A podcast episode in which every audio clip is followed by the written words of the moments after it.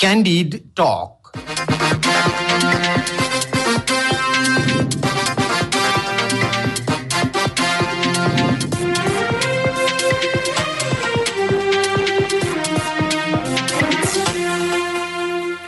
नमस्कार क्यान्डी टकमा तपाईँलाई स्वागत छ। म तेजेन्द्र काफले। रेडियो क्यान्डिडको प्रस्तुति कार्यक्रम क्यान्डी टक तपाईँले शनिबार बाहेक हरेक दिन बिहान साढे छ बजेबाट सात बजेसम्म आधा घण्टा सुन्दै आइरहनु आइरहनु भएको छ। समसामयिक विषयमा कुराकानी हुने यो कार्यक्रम तपाईँले काठमाडौँ उपत्यका र आसपासका जिल्लामा ninety two point seven mega radio क्यान्डिडको आधिकारिक फेसबुक पेजमा हाम्रो पात्रोमा रेडियो क्यान्डिडको एप्स डाउनलोड गरेर र पोडकास्टमा समेत सुन्न सक्नुहुन्छ। श्रोता एक साताका लागि स्थगित संघीय संसदको बैठक भोलि सोमबार बोलाइएको छ। अधिवेशन शुरू भएको दिनबाट एमाले शुरू गरेको अवरोध भोलिको बैठकमा पनि कायम रहने संकेतहरू पाइसकिएको छ। यो एक साताको बीचमा सहमतिका लागि कुनै ठोस पहल दलहरू बीचमा भएका छैनन्।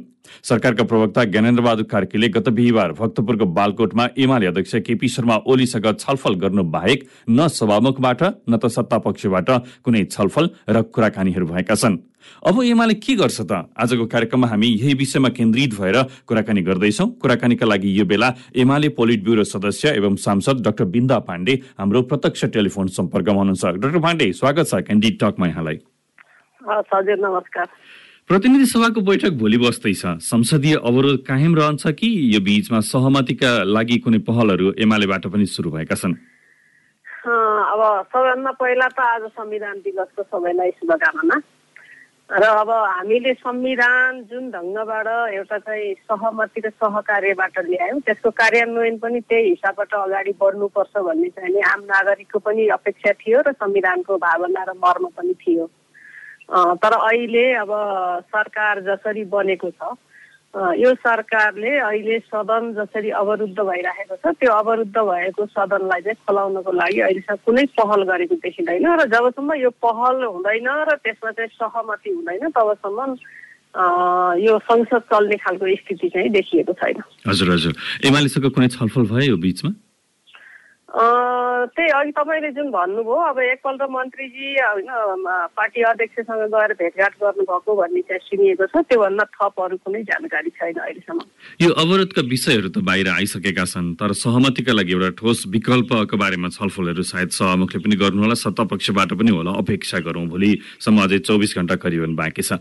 तर यो चौधजनालाई कारवाही हुनै पर्ने तपाईँहरूको माग यथावत छ कि सभामुखले राजीनामा दिए पनि हुन्छ? यो दुइटामा कुन कुरा भयो भने चाहिँ तपाईँहरू अगाडि जानुहुन्छ? होइन पहिलो कुरो भनेको त अब संसदको सबैभन्दा अब ठुलो पद अथवा चाहिँ संसदको नेताको हिसाबले बसिसकेपछि संसदलाई मर्यादित हिसाबबाट चलाउने भने त्यो मर्यादा सम्माननीय सभामुखज्यू रहनुपर्छ र उहाँले आफूलाई तोकेको जुन खालको चाहिँ काम छ त्यो कामलाई चाहिँ नि गर्नुपर्छ भन्ने खालको कुरा यो आम रूपमा चाहिँ हामीले जुन ढङ्गबाट एउटा चाहिँ लोकतान्त्रिक गणतन्त्रमा हरेक मान्छेले कानुन र नियम अनुसार चल्नुपर्छ भन्ने मान्यता अनुसारको माग नै हो।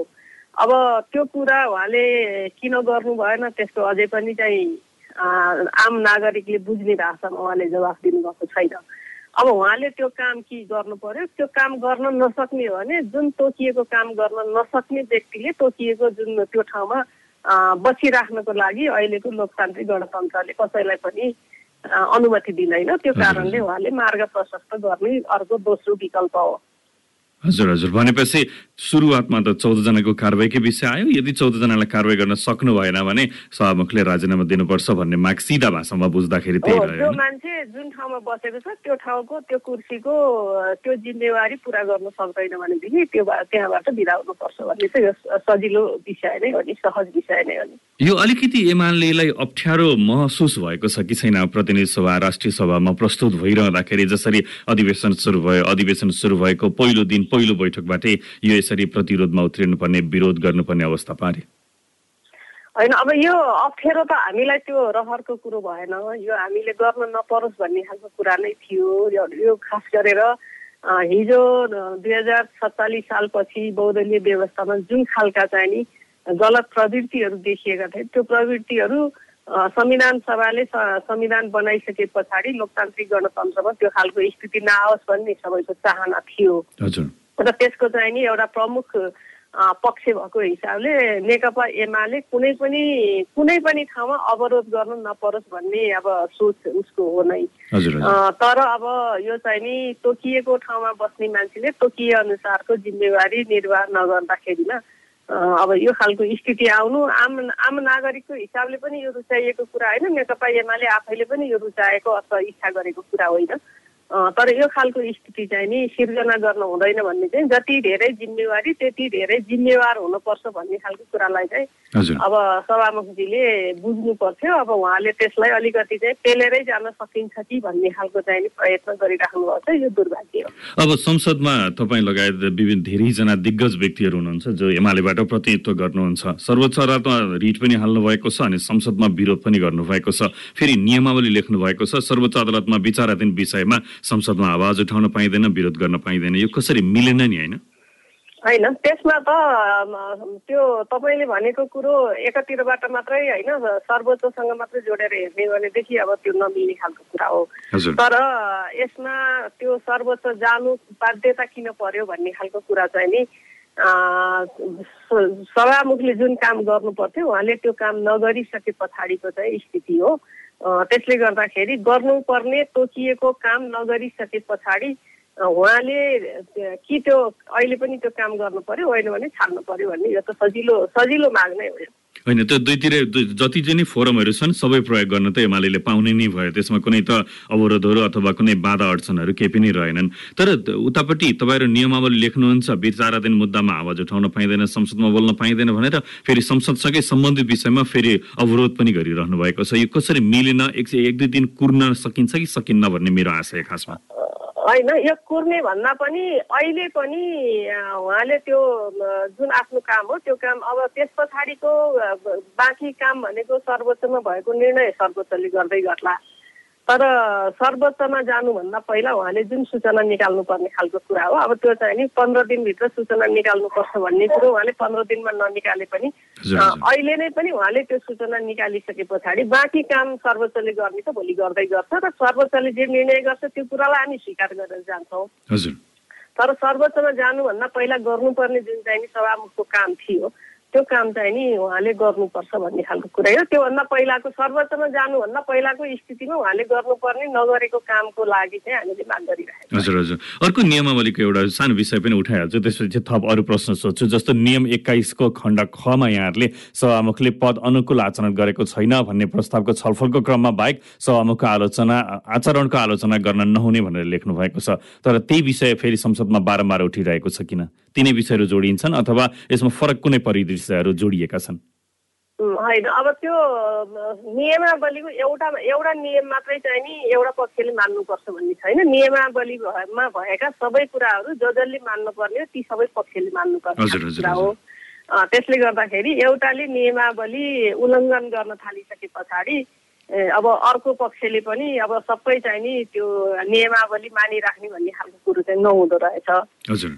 त्यसले गर्दा नियमावलीलाई सबैभन्दा पहिला चाहिँ नि अब संसदभित्रको नियमावलीका दफाहरूलाई धाराहरूलाई के अरे सभामुखले चाहिँ सबैभन्दा धेरै मान्नुपर्छ। त्यो कुरो उहाँबाटै उल्लङ्घन सुरु भएको कारणले गर्दाखेरि अब अरूलाई चाहिँ नि उल्लङ्घन गर्यो तिमीहरूले चाहिँ मान्नुपर्छ भन्ने खालको कुरा चाहिँ नि हजुर हजुर यो आम नागरिकले पनि प्रश्न गर्ने खालको कुरा हो जस्तो लाग्छ। अब डाक्टर पाण्डे संसदको अधिवेशन सुरु भयो प्रतिनिधि सभाको बैठक लगभग लगभग अवरोधकै बिचमा पनि केही प्रक्रियागत कार्यसूचीमा प्रवेश गरिरहेका छन्। बजेटको अध्यादेश स्वीकृत भएको छ। नयाँ यो प्रतिस्थापन विधेयक त्यहाँ संसदमा विचाराधीन अवस्थामा छ। केही अन्य विषयहरू पनि छलफलका क्रममा छन्। यो संसदको अधिवेशन सुरु भए पछाडि सभामुखको भूमिकाबारे चाहिँ यहाँको टिप्पणी के हो? यो चौधजना चौधजना सांसदको कारवाहीको जुन प्रक्रिया यहाँले उठाइराख्नु भएको छ त्यो पछाडि। मूल कुरो के हो भन्दाखेरिमा कुनै पनि संसद सुरु हुनुभन्दा तपाईँले अघि जुन नियमावलीको कुरा गर्नुभएको छ संसद सुरु हुनुभन्दा पहिला त्यो त्यो संसद कसरी चलाउने त्यसमा के के एजेन्डाहरू हुन्छन् त्यो कसरी चाहिँ नि होइन कार्यसूचीहरू बनाएर अगाडि बढ्ने भन्ने खालको कुरामा चाहिँ नि हामीसँग होइन यो कार्यव्यवस्था परामर्श समिति छ। हजुर हजुर। कार्य व्यवस्था परामर्श समितिको बैठक चाहिँ नि अब सभामुखले राखेर अनि त्यस पछाडि त्यहाँ छलफल गरेर सबै चाहिँ नि त्यहाँ उपस्थित भएका राजनैतिक दलका प्रतिनिधिहरू रहेको त्यो समितिमा चाहिँ छलफल गरेर अगाडि बढ्नु पर्थ्यो। आजका मितिसम्म एकपल्ट पनि त्यो चाहिँ नि परामर्श समितिको बैठकै उहाँले डाक्नु भएको छैन त्यसले गर्दा नियमावली अनुसारको कुरा गर्ने भनेदेखि त सबभन्दा पहिला त उहाँले त्यो जुन दिन बैठक डाकियो त्योभन्दा पहिला नै परामर्श समितिको चाहिँ बैठक बोलाइनु पर्थ्यो। त्यो कामै उहाँबाट भएन। र त्यस पछाडि पनि अब त्यो अवरोध भइसके पछाडि पनि अब कसरी जाने त ल छलफल गरौँ भन्ने हिसाबले त्यो परामर्श समितिको फेरि पनि बैठक बोलाइनु पर्थ्यो। फेरि पनि त्यो बैठक बोलाइएन र त्यो अवरोध भइसके पछाडि जसले अवरोध गरिरहेको छ प्रमुख प्रतिपक्ष भनेको त संसदको त सबैभन्दा चाहिँ नि महत्त्वपूर्ण पक्ष हो नि त। र त्यो पक्षसँग चाहिँ नि सभामुखले अहिलेसम्म पनि होइन एउटा गम्भीरतापूर्वक ल बस्नु छलफल गर्नु कसरी चाहिँ अगाडि बढ्ने निकास निकाल्नु भन्ने खालको पहल चाहिँ नि उहाँले गर्नुभएको छैन बैठकको आह्वान गर्नुभयो उहाँले तपाईँहरूले बहिष्कार गरिदिनु भयो त्यो त त्यो त्यो परामर्श समितिको बैठक होइन। हजुर। त्यो चाहिँ उहाँले चाहिँ नि दलको नेता सर्वदलीय बैठक थियो, हजुर। तर त्योभन्दा नि त्यहाँ संसद कसरी चलाउने भन्ने त त्यहाँ त यो चाहिँ नि कार्यव्यवस्था परामर्श समिति छ नि त। परामर्श समितिको बैठक त उहाँले अहिलेसम्म बोलाएको मलाई थाहा छैन। हजुर हजुर। अब जुन रूपमा विरोध भइरहेको छ यो विरोधले एउटा गम्भीर मुलुकको गम्भीर आर्थिक अवस्थाको सङ्केत पनि गरिरहेको छ। यो बजेटको क्राइसिस सुरु भएको छ बजेट होलिडे चलिरहेको छ। उबेला तपाईँहरूको सरकार हुँदाखेरि मलाई राम्ररी याद छ सायद तपाईँ पनि त्यो विषय भुल्नु भएको छैन होला। यो बजेट पारित गराउन कङ्ग्रेसले ठुलो सहयोग गरेको थियो। अब तपाईँहरूको पालो आएन र त्यसमा? होइन त्यसमा त्यही त त्यो त्यतिखेर कङ्ग्रेसले सहयोग गर्यो अथवा प्रमुख प्रतिपक्षले जुन सहयोग गर्दाखेरि त्यतिखेरको चाहिँ नि संसदमा परामर्श समितिमा पनि त्यो छलफल भएको थियो होइन? कम्ती यो चाहिँ यस्तो खालको सङ्कट आउँछ यसरी अगाडि बढौँ भन्ने हिसाबले त्यस पछाडि सरकारले पनि चाहिँ प्रमुख प्रतिपक्षसँग छलफल गरेको थियो। त्यो छलफलकै आधारमा चाहिँ त्यो निकास निकालिएको थियो।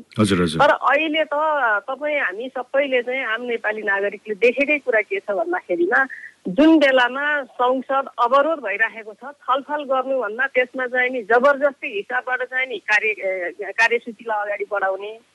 त्यो कार्यसूची अगाडि बढाउँदाखेरिमा पनि हाम्रो नियमावलीमा लेखिएकै के छ भन्दाखेरि सबै व्यक्तिहरू त्यसमा सरकार त्यसपछि सांसदहरू कुन दलका सांसद कहाँ बस्ने भनेर त्यहाँ तोकिएको हुन्छ र तोकिएको ठाउँमा बस्नुपर्नेछ।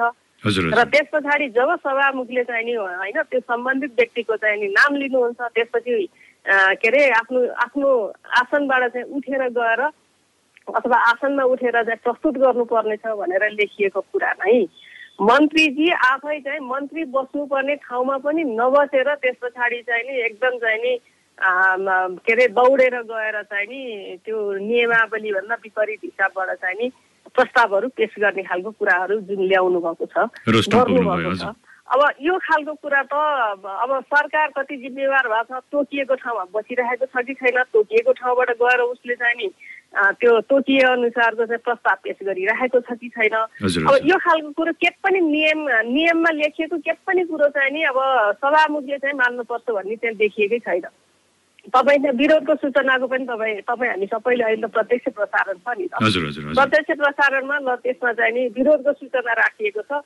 विरोधको सूचनामा बोल्नको लागि के अरे सांसदलाई भन्दाखेरिमा साङ होइन त्यसमा चाहिँ त्यो के अरे डायसमा आएर यो कुरो चाहिँ राख्ने हो त्यसले गर्दा त्यो वातावरण बनाऊ अनि त्यस त्यसले गर्दाखेरि त्यो वातावरण नबन्नुन्जेलसम्म मैले चाहिँ मेरो विरोधको सूचना चाहिँ त्यो यहाँ त्यसै गर्दिनँ भनेको ठाउँमा त्यसै नगरेको प्रस्तावमा चाहिँ नि उहाँले मतदान गराइदिनुहुन्छ र अनिखेर यो चाहिँ नि बहुमतले पास गर्यो भनेर चाहिँ डिक्लेयर गरिदिनुहुन्छ। यस्ता खालका कुराहरू त्यही भएर मैले अघि पनि भने अब हामी नियमावली समाउँदाखेरिमा अब के अरे एक्काइसको ख र ग चाहिँ हामी सबैले त्यो किन भन्दा त्यहाँ चाहिँ एकदम चिच्यारै सभामुखले बोल्नु भएको र सबैलाई कण्ठ भयो। त्यो चाहिँ किन मानिएन? होइन अवरोध गर्नेले भन्ने।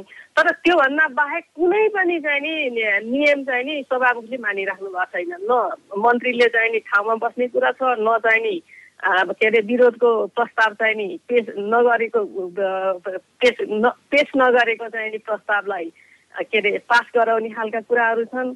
अनि अवरोध भएको बेलामा चाहिँ नि सहमतिमा त्यो चाहिँ नि टुङ्ग्याउनु पर्छ परामर्श समितिको बैठक बन्नुपर्छ तमाम किसिमका कुनै पनि नियम उहाँले चाहिँ नि मान्न पर्छ र यसमा यो लेखिएको छ भन्ने खालको कुरा चाहिँ नि उहाँले कहिले पनि ध्यान दिनु भएको छैन। अनि खालि उहाँले जहिले नि दोहोऱ्याउने भनेको त्यही एक्काइसको चाहिँ नियमावलीमा विरोध गर्न पाइँदैन भन्ने मात्रै दोहोऱ्याएर त यो त यसले त वातावरण त बनाउँदैन। भनेपछि अहिले जुन हलिडेको कुरा गर्नुभयो। हजुर। अब यो बजेट हलिडेको कुरा पनि कि उहाँहरूले चाहिँ अब यो प्रक्रिया नै बुझिन भनेर भन्नु पर्यो प्रक्रिया बुझेको हो भनेदेखि चाहिँ यो खालको सङ्कट आउँछ भने त्यो सारा अरू कुरो चाहिँ नि पेलान दिएर त्यसरी चाहिँ पेलेर चाहिँ नि पास गर्ने होइन सरकार र सभामुखले यो सङ्कट आउने खालको कुरालाई चाहिँ उहाँहरूले किन चाहिँ नि के अरे बाहिर राख्नुभयो? त हजुर हजुर हजुर। त्यसले गर्दा यो कुरा चाहिँ एकदमै अब उहाँहरू के भने संसदीय प्रक्रिया नै अहिले सबै बुझिसक्नु भएको छैन भनेर भन्नु पर्यो। अब सरकारमै आएको संसदमै आएको पनि अब झन्डै पन्ध्र वर्ष हुन लागिसक्यो भइसक्यो। होइन भनेदेखि अब यो खालका कुराको अब जिम्मेवार भनेको चाहिँ नि अब त्यही पक्षले लिनुपर्ने खालको त अर्को अर्को त उपाय नै छैन भन्ने नै लाग्छ। एमाले त्यसो भए पछिल्लो परिदृश्य निहाल्ने हो भने जुन रूपमा प्रक्रियाहरू अगाडि बढेका छन् एउटा कार्यव्यवस्था परामर्श समितिको बैठकमा छलफल भएर सहमतिको निकास खोज्न सकियो भने त्यहाँ लचक बन्न सक्छ भन्ने सङ्केत हो होइन यहाँको? होइन अब यो लचक कति को को को कतिसम्म लचक बन्ने भन्ने त पहिला अब होइन टेबलमा आउनु पर्यो। टेबलमा आइसकेपछि छलफल गर्ने क्रममा चाहिँ अब कहाँनिर कसले कसरी चाहिँ नि लचक बन्ने लचक भनेको चाहिँ नि प्रमुख प्रतिपक्ष मात्रै लचक हुनुपर्छ भन्ने छैन। सबैभन्दा पहिला सभामुख सभामुख त्यहाँको नेता भएको कारणले गर्दा अहिलेसम्म जति पनि चाहिँ नि नियमहरू मिचिएको खालका कुराहरू छन् र गर्नुपर्ने काम नगरिएको कुरा छ। त्यो कुरो त सबभन्दा ठुलो ठाउँमा किन भन्दा गणतन्त्र भनेको आम नागरिकको हिसाबले सबै नागरिक बराबर भन्ने खालको कुरा हो।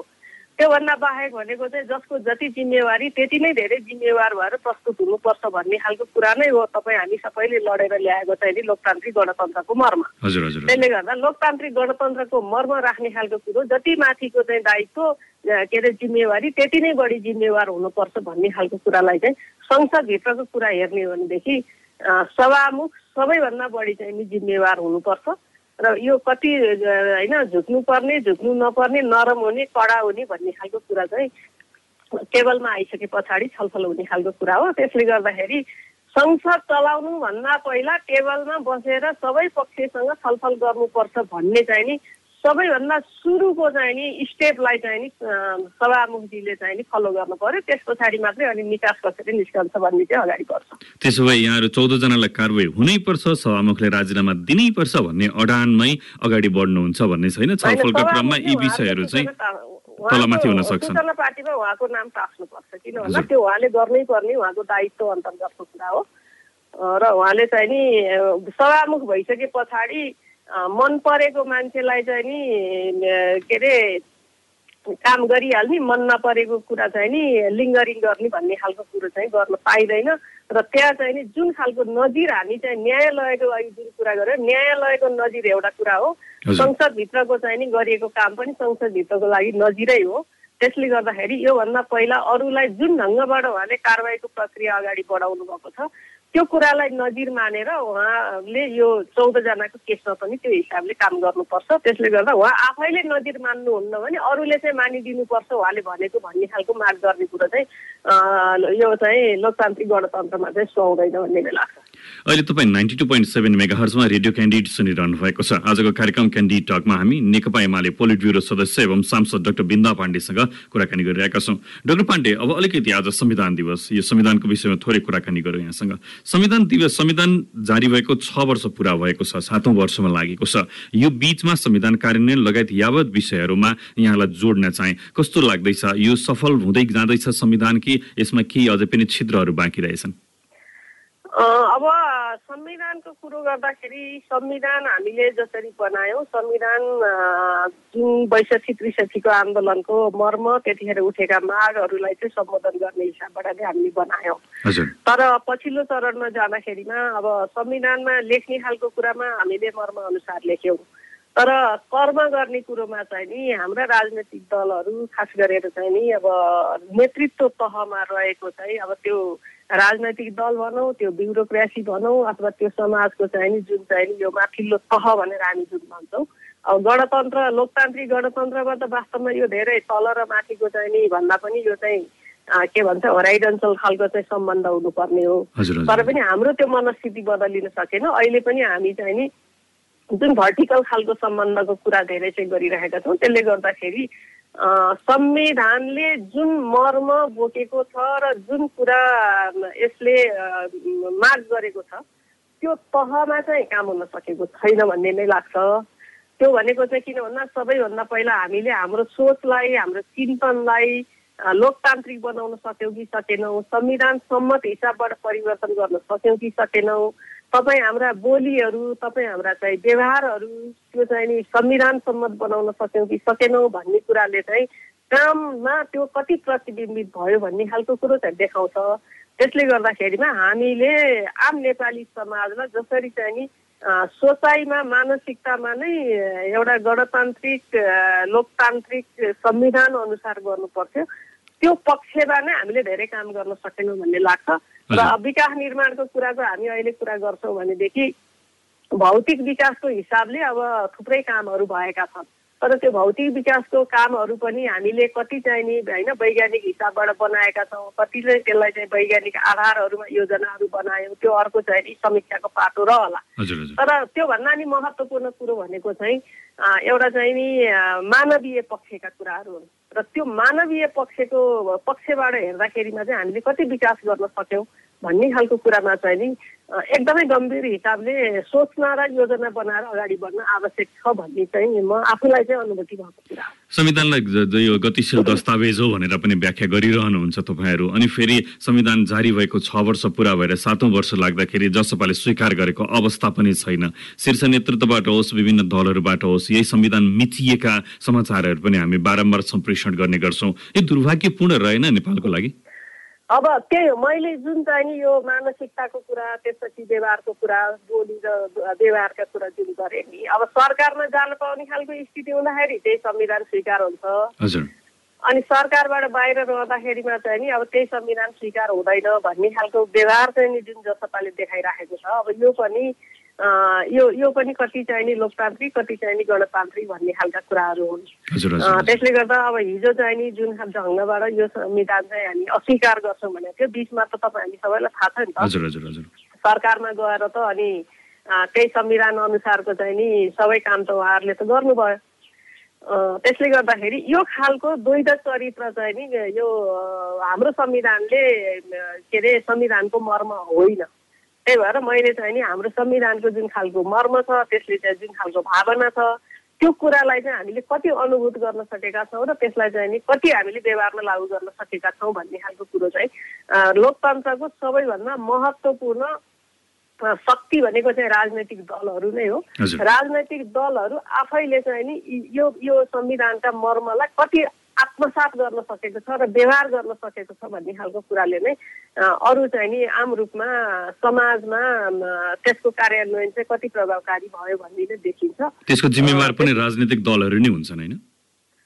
होइन त्यसमा त राजनैतिक दलहरू नै जिम्मेवार हो किन भन्दाखेरि राजनैतिक दल दल सबैभन्दा महत्त्वपूर्ण र लोकतन्त्रको सबैभन्दा चाहिँ सङ्गठित शक्ति त राजनैतिक दलहरू त्यसले राजनैतिक दलभित्र कति चाहिँ उनीहरू चाहिँ नि लोकतान्त्रिक भएका छन् कति चाहिँ नि गणतान्त्रिक भएका छन् किन भन्दा मैले चाहिँ गणतन्त्रलाई के बुझ्छु भन्दाखेरिमा एउटा नागरिकको हिसाबले चाहिँ नि सबैभन्दा पहिला सबै नागरिकहरू बराबर हुन्छन्।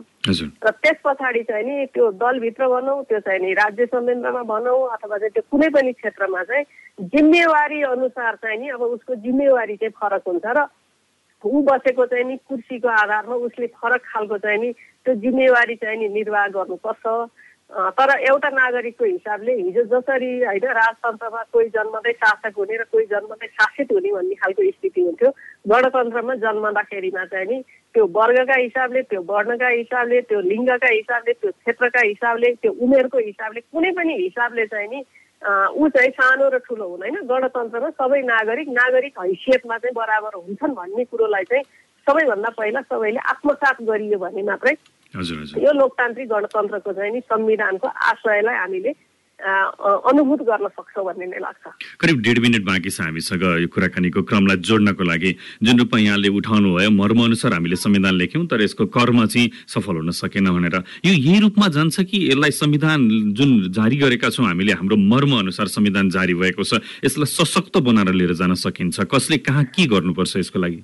अझै पनि अझै पनि अब यो राजनैतिक दलहरूले आफ्नो प्रवृत्ति कति परिवर्तन गर्छन् भन्ने खालको कुरामा चाहिँ नि धेरै कुरो निर्भर गर्छ भन्ने कुरोमा म चाहिँ नि स्पष्टै छु।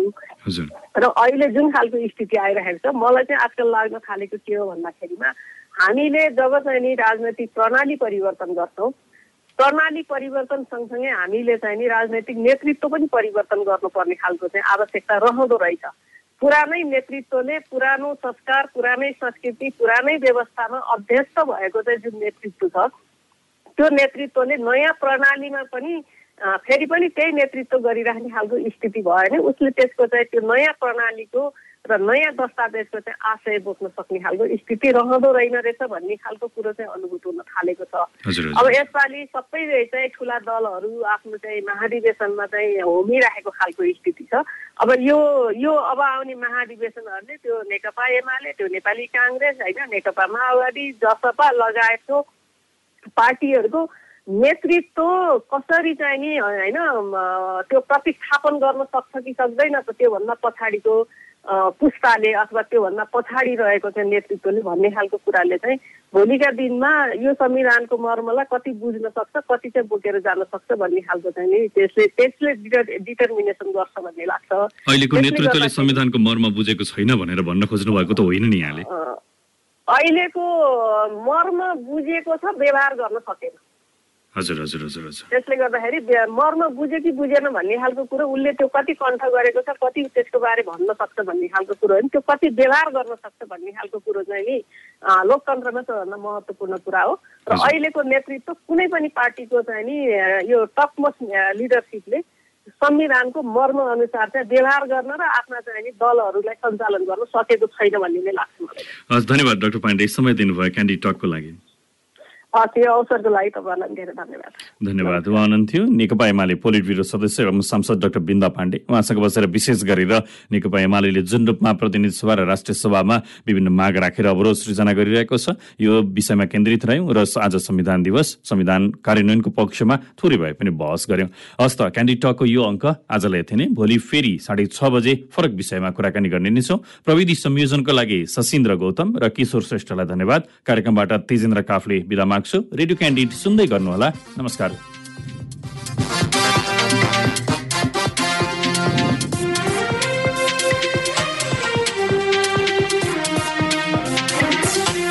Candid talk.